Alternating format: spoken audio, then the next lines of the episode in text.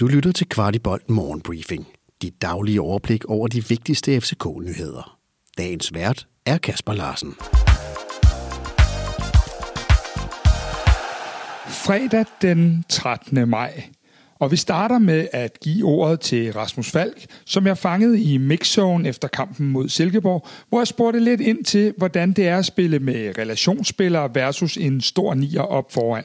Rasmus, du, du har mange legekammerater derinde i dag. Du har Havkan, du har øh, Isak osv. Hvad betyder det, når I spiller på den måde, frem for at spille med en lidt større angriber op foran? Øh, jamen, det er jo det der med at spille til styrker. Øh, Havkan og Pep gør det rigtig, rigtig godt deroppe. Isak øh, kommer ind og gør det rigtig, rigtig godt. Elias spiller en flot kamp, må man sige. Øh, det spiller der gerne vil... Øh, øh, ja, man kan sige, det, det er relationsspillere, mange af dem, og, øh, og det synes jeg også, man kunne se, at det var rigtig, rigtig godt, at det lykkedes i dag med at få det sat sammen. Og samtidig så fik vi investeret en masse energi øh, uden bold, der gjorde vi Europa den øh, højt op på banen også øh, en gang imellem, så det var dejligt at se.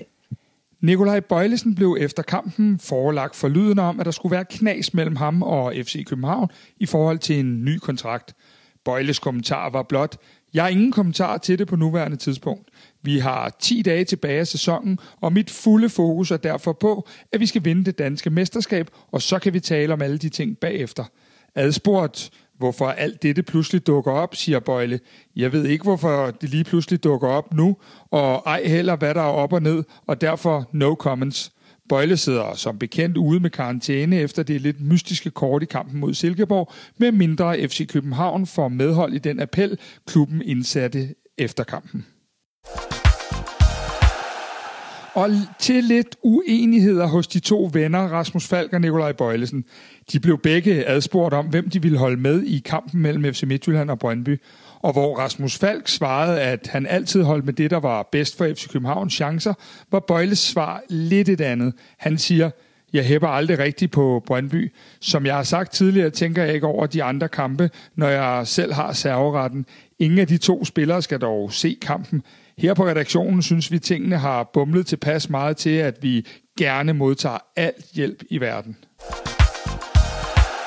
Vores sportsdirektør Peter Christiansen blev spurgt i går om, hvorvidt FC København kunne klare presset i guldstriden. Svaret faldt vanen tro fra sportsdirektøren. Det er som om I ikke rigtig forstår vores virkelighed. I forstår ikke vores hverdag. Vi lever med det her hver eneste dag fra dag 1 i hver sæson. Det er FC København, og det er derfor, vi er de største og må leve med det. Det er forventningsafstemt, når spillerne træder ind ad døren den allerførste dag, at det her det er en del af at spille i klubben.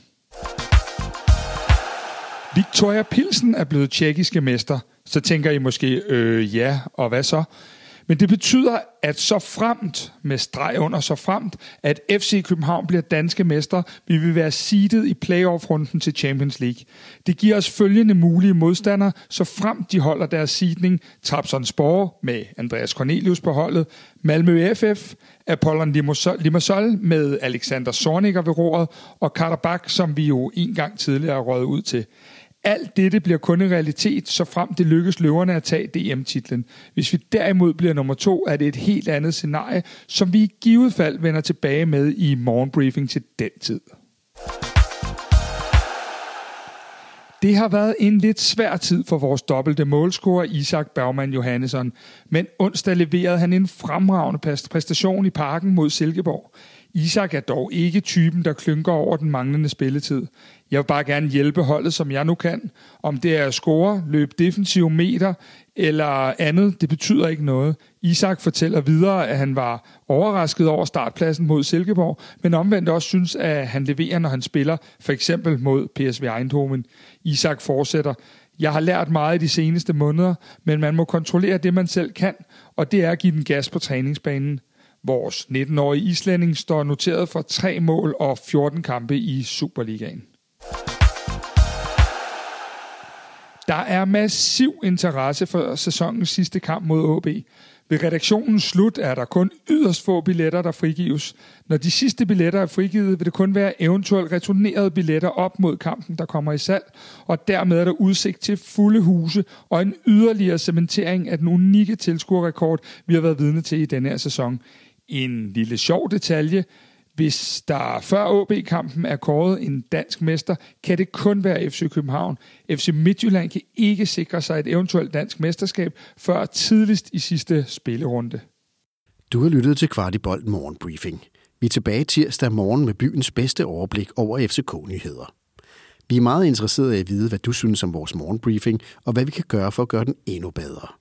Brug et par minutter på at give os feedback. Der ligger et link i shownoterne til spørgeskema.